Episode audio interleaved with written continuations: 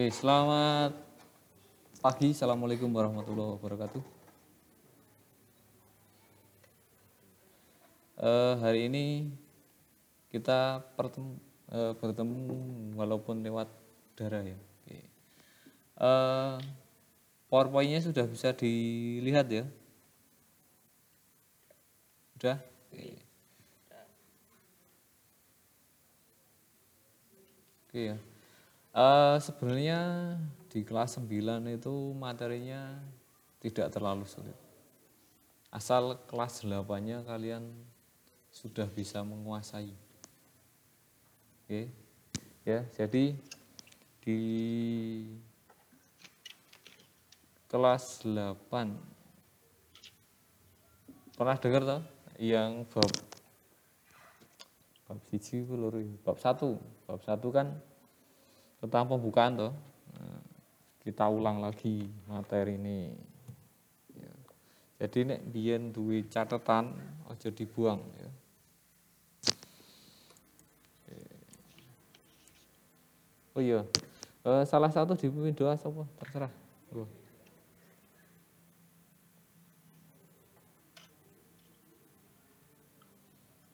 Oh, Farel. Dipimpin Del. Donga. Virus dawa muri. Yo, virus, mimpin doa, Virus. Nggih, Pak. Oh, siap. Untuk mengawali pembelajaran jarak jauh di pagi hari ini, marilah kita berdoa menurut agama dan kepercayaan masing-masing. Berdoa mulai.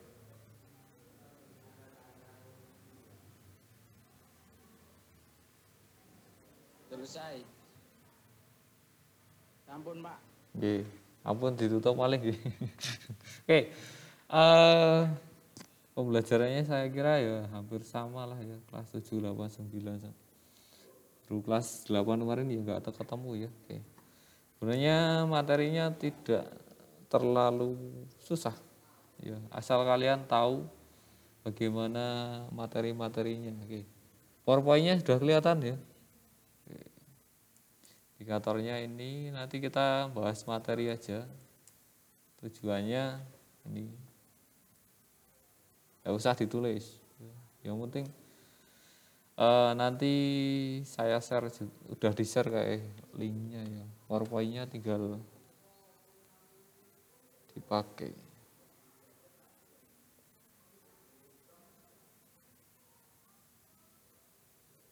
Kelvin ini izin nggak bisa ikut ya nggak apa-apa. Pak, masih ada tugas kok, Pak? Kok ada PJJ BKN ini? Ya itu kan link itu li. Ada link. Kan, Masuk ke sini, Pak. mm-mm. sama nanti ada latihan dikit, nggak apa-apa. Cuma berapa nomor? Dua, tiga nomor. Oh iya. Gue jawab langsung nih kono pakai voice comment. Oke. Kemudian ini tujuannya. Oke. Eh, si- ayo betul. Oke, kita ke materi yang A dulu ya, sambil dibuka bukunya. Kemarin kan belum dijelaskan. Saya jelaskan, tidak di utang.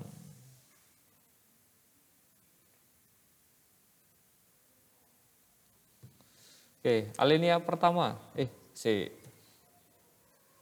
Eh, pembukaan UD ono alinea berapa alinea Mas Virus?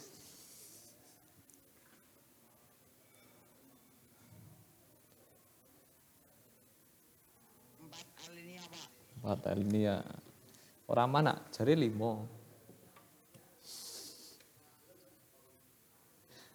Ada empat alinea ya? Oke.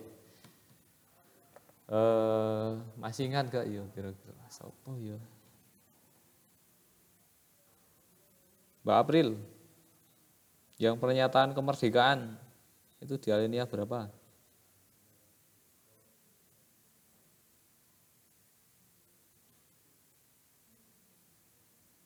Halo.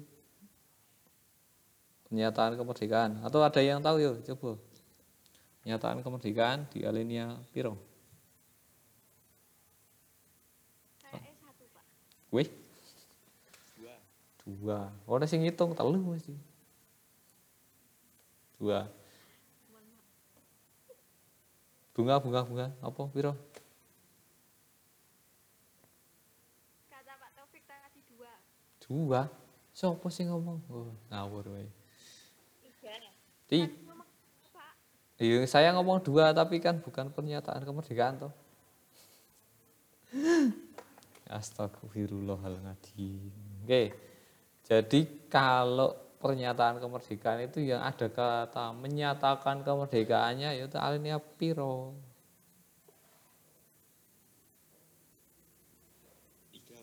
Nah, alinea tiga. Oke. Kalau alinea pertama?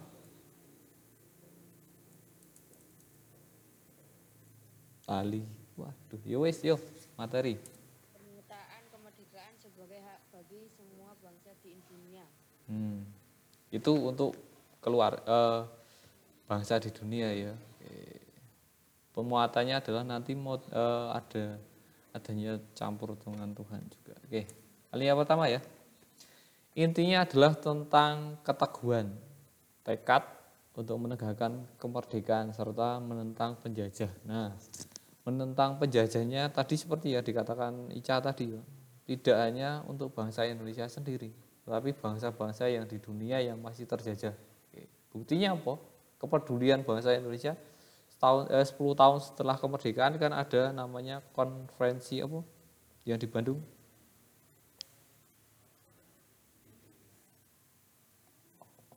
Bali, waduh Bali. Konferensi Asia Afrika. Nah, wis kelingan. Nah, konferensi Asia Afrika ini adalah wujud kepedulian bangsa Indonesia ya terhadap bangsa-bangsa di dunia lainnya ya untuk memerdekakan diri ya. Istilahnya bangsa Indonesia itu menginspirasi bangsa lain di dunia untuk merdeka. Nah, itu. Kemudian ya, ini kelas 8. Masih ingat dalil objektif dan subjektif? Di alinea pertama.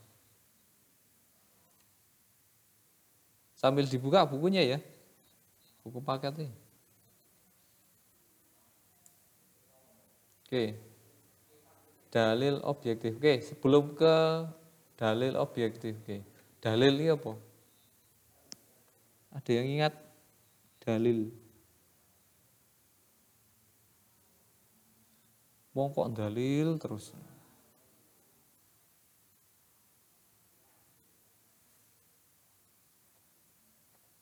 Oke. Gak ada yang ingat? Waduh, iya iya. Sambil dibuka punya ya. Oke, dalil objektif. Kalau objek apa wis? Objek.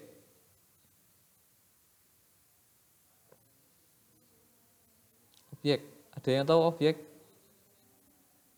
Kalau kalian e, berkunjung ke suatu objek wisata misalkan, berarti apa? Ada yang tahu? Objek.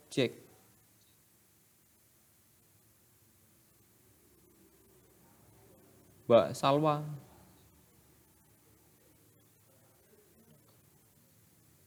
Apa Farel? Apa Rel?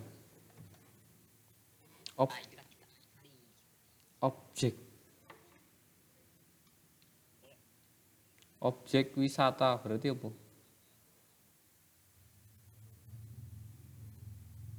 Tempat toh? Hmm. Nek tempat berarti dan objek yang ada di dalam pembukaan itu opo.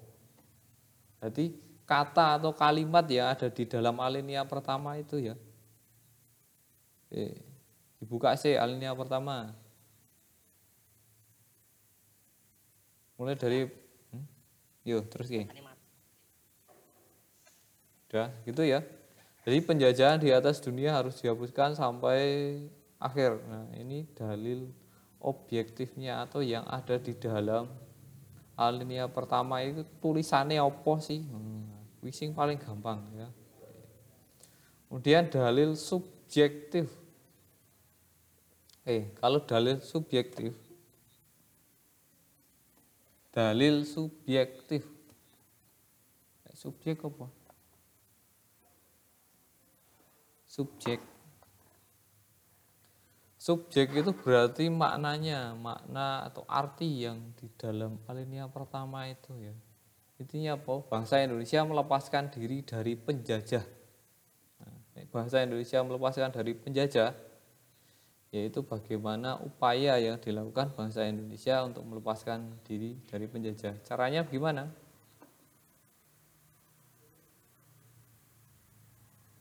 Yang dilakukan. Ya, caranya menyatakan proklamasi dulu tuh.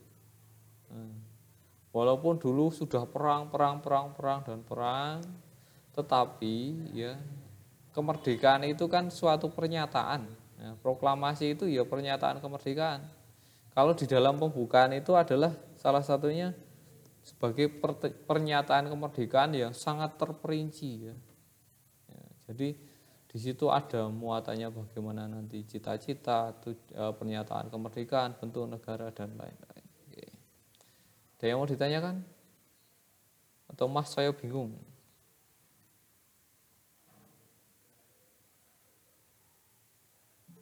Aprilana.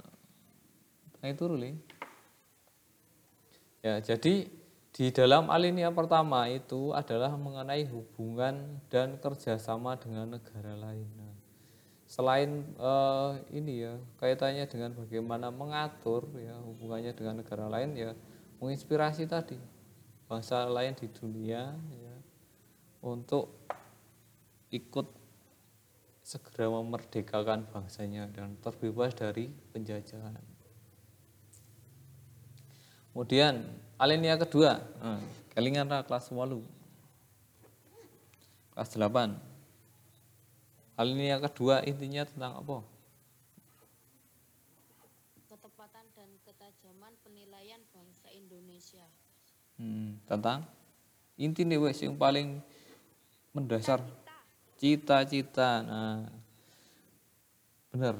Jadi bagus ya kaitannya dengan cita-cita. Nah, cita-cita Indonesia itu bangsa Indonesia itu apa? Ada lima.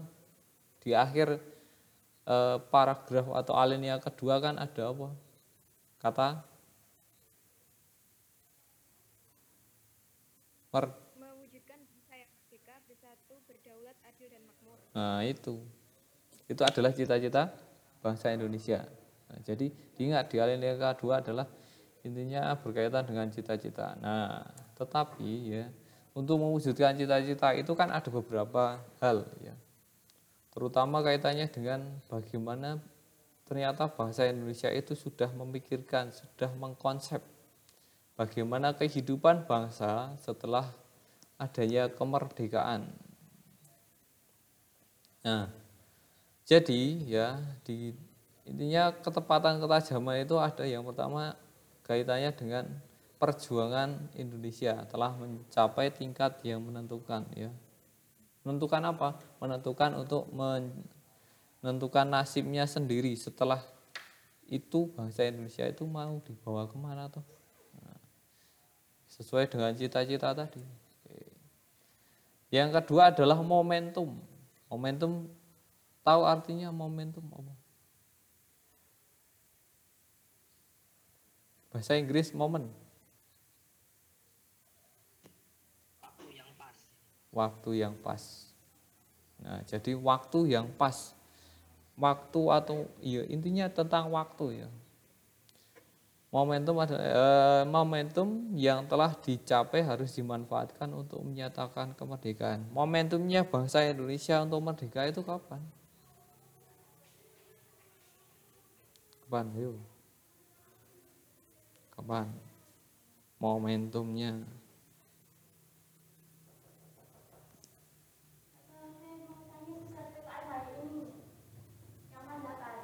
Apa? Pak Kandar.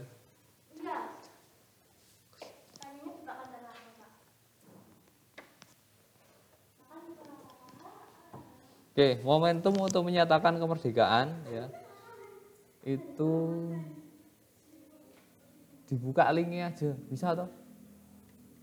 Udah dibuka terus pada tanya pak. Kon mau itu, kon mau itu, kon mau nah ya disimak sampai akhir. oke oke. Ada iklan lewat ya? Ridwan telat apa-apa nggak apa ya oke. Mau ikut ini materi kelas 8 juga. Oke momentum dimanfaatkan untuk menyatakan kemerdekaan. Ke mana ya? Dicari aja. Jadi momentum itu untuk dimanfaatkan menyatakan kemerdekaan ya. Jadi momentumnya itu ketika bangsa Jepang kalah dalam perang Asia Timur ya. Karena Jepang di tanggal 4 masih ingat di pelajaran kelas itu ya eh, Jepang kan menyerah di tanggal 14 nah karena para pemuda itu kan momentumnya sangat tepat untuk melaksanakan menyatakan kemerdekaan. Jadi sangat tepat sekali. Oke itu ya. Itu mbak pelajaran itu bab satu dulu. Ya menyatakan kemerdekaan. Kemudian yang ketiga. Kemerdekaan harus diisi dengan mewujudkan negara Indonesia yang merdeka, bersatu, berdaulat, adil, dan makmur. Nah ini eh, salah satunya adalah mengenai cita-cita tadi. Cita-cita bangsa Indonesia yang tidak diwujudkan. Ya, merdeka itu sudah tercapai, bersatu ya pasti sudah bersatu. Tetapi kalau berdaulat, adil, dan makmur, ya kita lihat kondisinya sekarang ini. Ya, cita-cita nasional ya yang ingin dicapai bangsa Indonesia tadi yang di atas ya merdeka, bersatu, berdaulat, adil dan makmur. Kita lanjutkan. Ada yang mau ditanyakan? Ada. Oke, lanjut ya. Uh, alinea ketiga, ada yang tahu tentang apa? Intinya di alinea ketiga.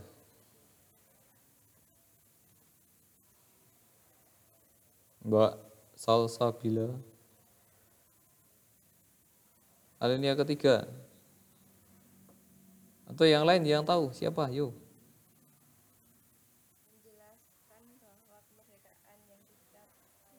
April sih April gantian gantian. Oke. Berarti intinya tentang kemerdekaan ya. Di kemer, tentang kemerdekaan. Nah, di dalam kemerdekaan nanti kan ada kaitannya dengan bagaimana kemerdekaan yang dicapai oleh bangsa Indonesia itu sendiri. Yang pertama adalah motivasi spiritual kemerdekaan bangsa Indonesia. Kenapa ada motivasi spiritual? Nah, spiritual, spiritual, apa spiritual?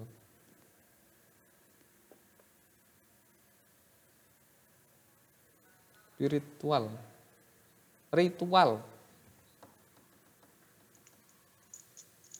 terwujudkan sikap dan keyakinan bangsa Indonesia terhadap Tuhan Yang Maha Esa. Hmm, berarti ada peran serta Tuhan Yang Maha Esa dalam kemerdekaan bangsa Indonesia. Ya. Jadi tidak eh, kemerdekaan di bangsa Indonesia itu tidak akan lepas dari namanya rahmat Tuhan, peran Tuhan ya. Karena saat menentukan juga karena Indonesia bukan negara sekuler ya, negara yang menganut pokoknya agama juga diurusi oleh negara itu ya. Dan yang kedua, memuat motivasi real dan material. Real itu berarti bukan real sepur ya.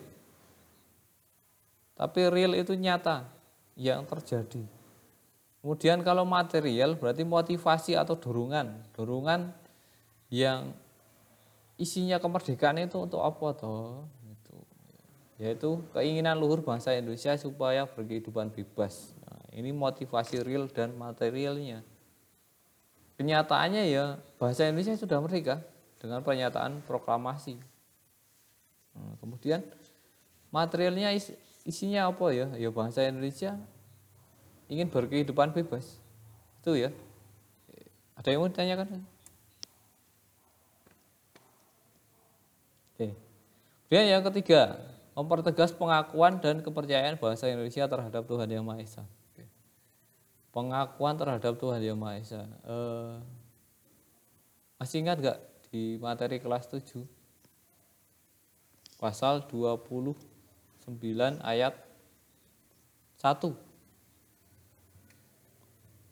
Negara berdasarkan atas ketuhanan yang Maha Esa. Nah, ini tetapi intinya adalah di dalam alinea ketiga itu berkaitan dengan kemerdekaan. Ya, kemerdekaan diingat-ingat. Oke, eh, ada yang mau ditanyakan lagi? Aku malah bingung.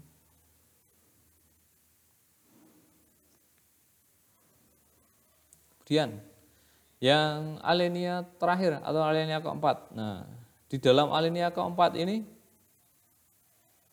yang paling banyak berkaitan dengan apa? Prinsip-prinsip kenegaraan. Nah, Prinsip-prinsip negara Indonesia itu ada di alinea keempat. Apa wae? Yo. Coba dulu. Tujuan negara yang akan diwujudkan oleh pemerintah negara. Oke, satu dulu, satu dulu. Nah, satu dulu ya, Cah. Oke. Tujuan negara. Oke. Yang masih ingat pelajaran kelas itu ono lho. Tujuan negara, Mas Husnan.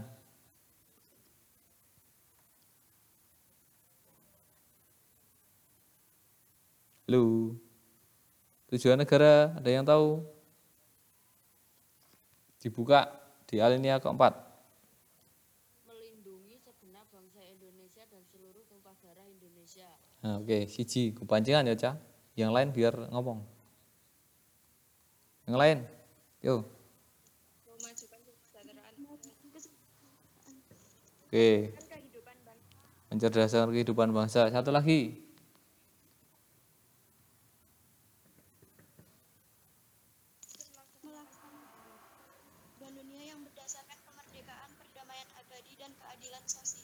Nah, itu ada empat ya, diingat-ingat ya. Tadi melindungi, terus mensejahterakan, mencerdaskan, dan ikut melaksanakan ketertiban dunia.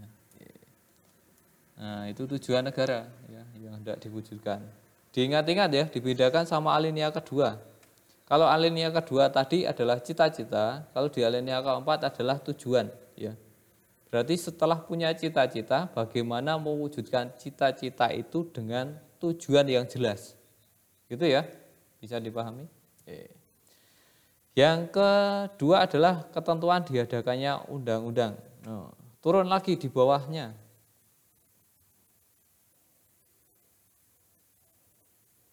Diwujudkan suatu undang-undang. Kenapa kok butuh undang-undang toh? Ada yang sudah ketemu? Kenapa butuh undang-undang?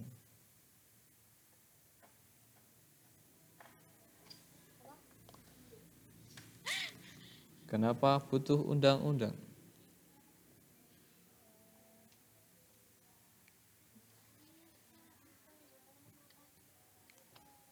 Sebab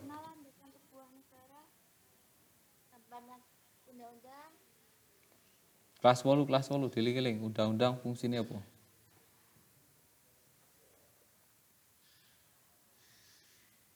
Sebagai Karena sebagai sumber hukum bangsa. Hmm. Nah, sumber hukum bahasa itu ada dua ya. Hukum tertulis dan tidak tertulis.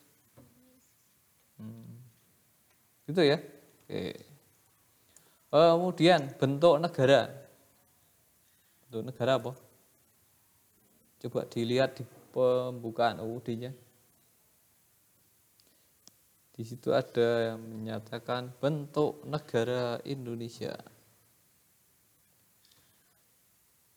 Maka disusunlah. Hmm? Republik, Pak. Iya, republik.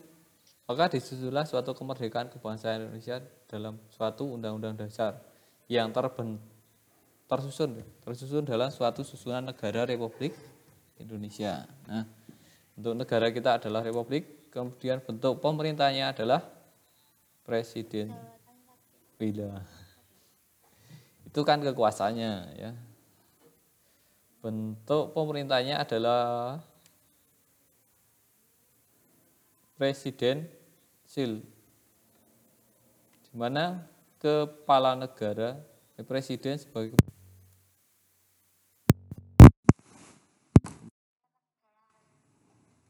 Yang terakhir adalah dasar negara yaitu Pancasila. Nah, di akhir ya, di akhir pembukaan UUD kan ada dasar negara yaitu Pancasila. Belum, belum ya. Oke, kita lanjutkan yang B dulu ya, sebelum nanti. Oke. Pokok pikiran Undang-Undang Dasar yang B ya, dibuka ya pokok pikiran pembukaan UUD Negara Republik Indonesia tahun 1945. Oke. Pokok pikiran ada berapa?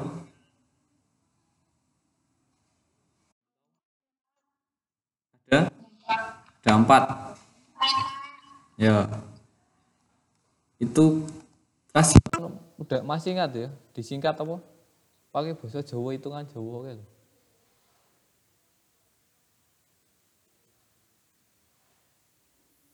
Kali. Oke. Sebenarnya pokok pikiran itu diambil dari nilai-nilai Pancasila ya. Jadi dimulai dari sila ketiga, kelima, keempat, ke satu dan kedua. Jadi nanti disingkat lumo pajiru. Nah kelingan tuh saya ini. Tinggal diingat-ingat saja pokok pikirannya apa saja. Oke. Pokok pikiran pertama, kenapa kok persatuan dulu ya?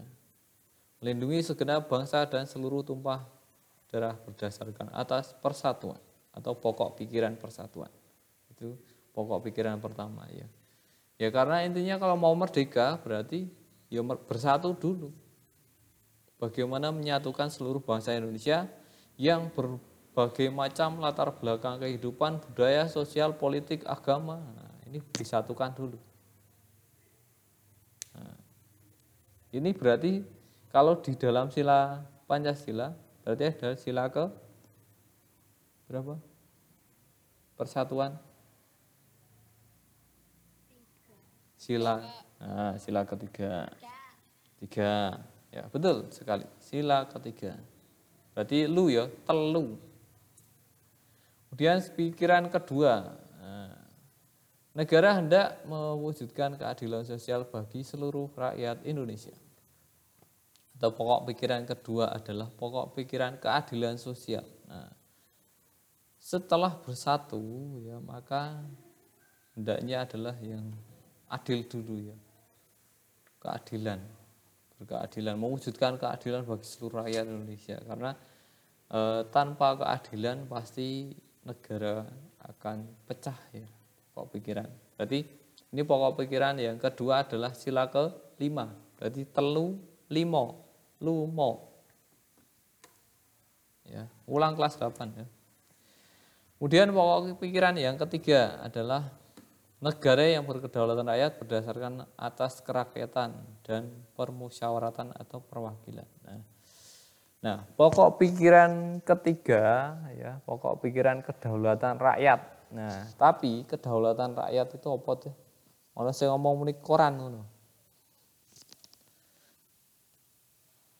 Udah koran ya. Tapi apa yo? Yang masih ingat kedaulatan rakyat.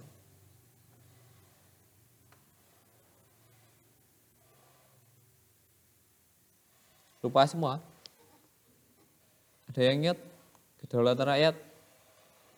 Makna bahwa sebagai negara Indonesia sederajat dengan negara lain yang bebas menentukan arah dan kebijakan kebijakan bangsa tanpa campur tangan negara lain. Hmm, kedaulatan. Ini kedaulatan apa kedaulatan rakyat?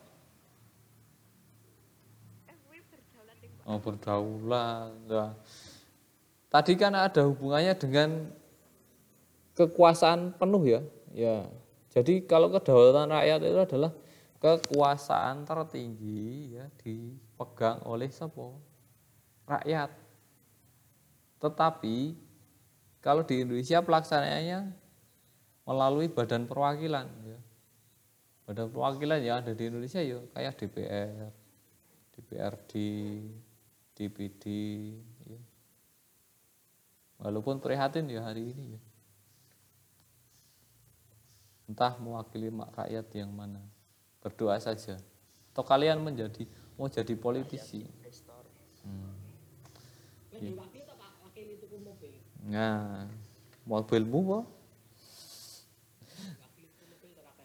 Ya, lumayan toh. Lumayan, lumayan mumet.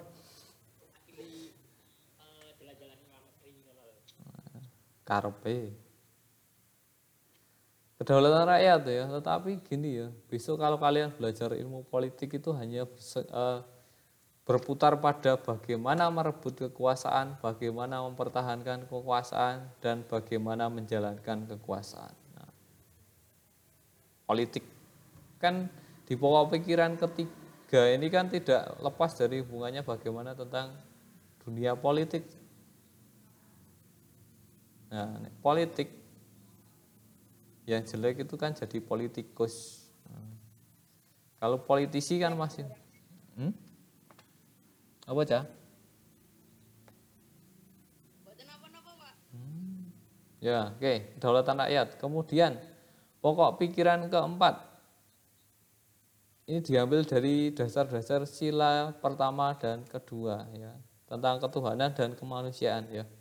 Hendaknya gini ya, intinya kalau orang yang bertuhan, yang mengakui Tuhan itu pasti juga menghargai bagaimana manusia lainnya ya. Jadi enggak semaunya sendiri. Dumeh wah, hubunganku karo Tuhan apa kok aku karo manungsa sejini terserah. Nah, kan bahaya juga tuh mengancam tetangganya. Eh singkatannya ini ya. Disingkat lu mau pajiru telu lima papat jiluru bukan rolas ya. Di satu dua dalam sila-sila Pancasila. Oke terakhir. Arti penting pokok pikiran. Arti penting pokok pikiran pembukaan. Yang pertama, keempat pokok pikiran Undang-Undang Dasar adalah pancaran. Wih. Bukan eh, pancaran dari nilai-nilai Pancasila. Jadi diambil makna yang terdalam dalam nilai-nilai Pancasila itu sendiri. Itu ya. Di nilai-nilainya diambil dari nilai-nilai Pancasila. Kemudian yang kedua, sebelum dia amandemen ya, UUD menegaskan bahwa pokok pikiran itu meliputi itu suasana kebatinan, dua mewujudkan cita-cita hukum atau reh aide. Selamat datang Mbak Rispa. Kemudian sebagai das, hukum dasar negara yang baik tertulis maupun tidak tertulis. Falsafah dan dasar. Oke. Kemudian menciptakan pokok-pokok pikiran dalam pasal-pasalnya ya. Jadi dari pokok-pokok pikiran tadi dalam pokok-pokok pikiran tadi nanti diwujudkan dalam pe, dalam pasal-pasal yang ada di UUD ya. Begitu ya. Jadi misalkan kayak di eh, tadi pokok pikiran keempat kan ada hubungannya dengan kemanusiaan. Nah, bisa kalian buka di pasal 28 kan di situ mengenai hak asasi manusia ya walaupun kadang miris juga ya hari ini. Orang menuntut hak tapi lupa kewajibannya.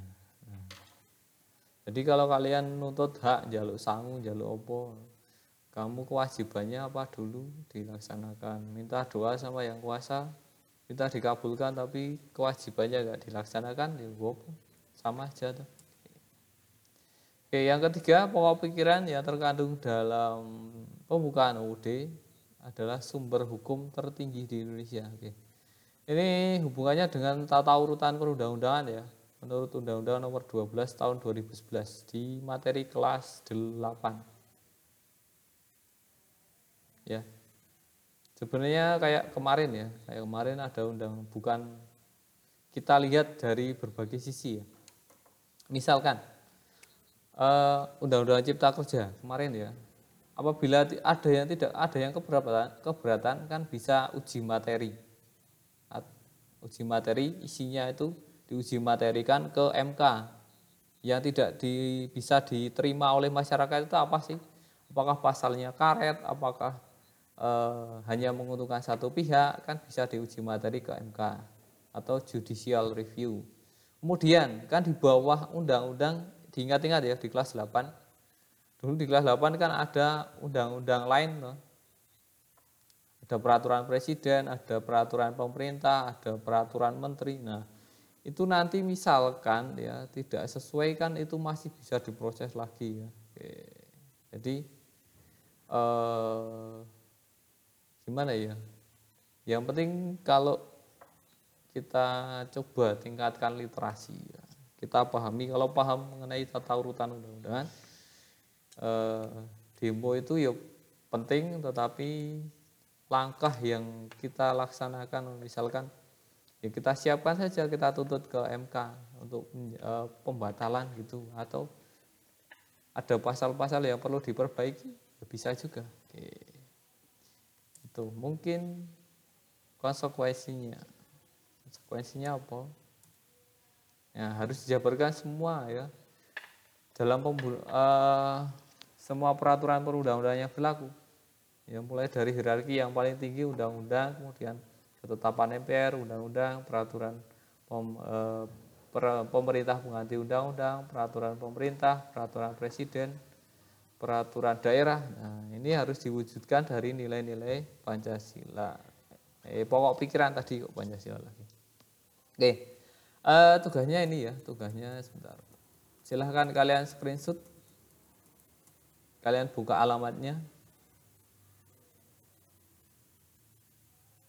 Bisa di screenshot nanti saya postingkan di classroom mungkin untuk hari ini cukup sekian. Ada yang mau disampaikan? Atau yang mau menyimpulkan? Apa? Siapa tadi? Yuk.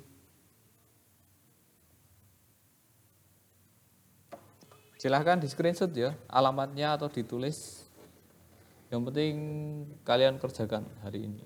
Ya, waktunya apa Terakhir, terakhir ya, hmm, apa garap yang link jam yang penting hari ini jangan sampai ganti hari. No way ya? Berarti sampai hmm, bebas saja wes. Yang penting penak. 23 5900 terakhir. Ya? Oke. Mungkin untuk kegiatan hari ini cukup ya. Salah satu dipimpin doa mas Virus nih dipimpin dia peturu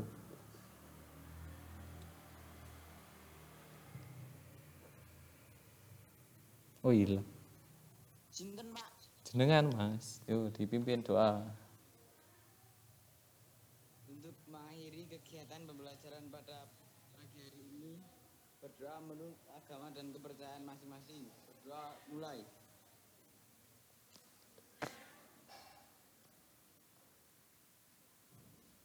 Selesai. Oke, Oh, saya akhiri untuk kegiatan hari ini. Assalamualaikum warahmatullahi wabarakatuh.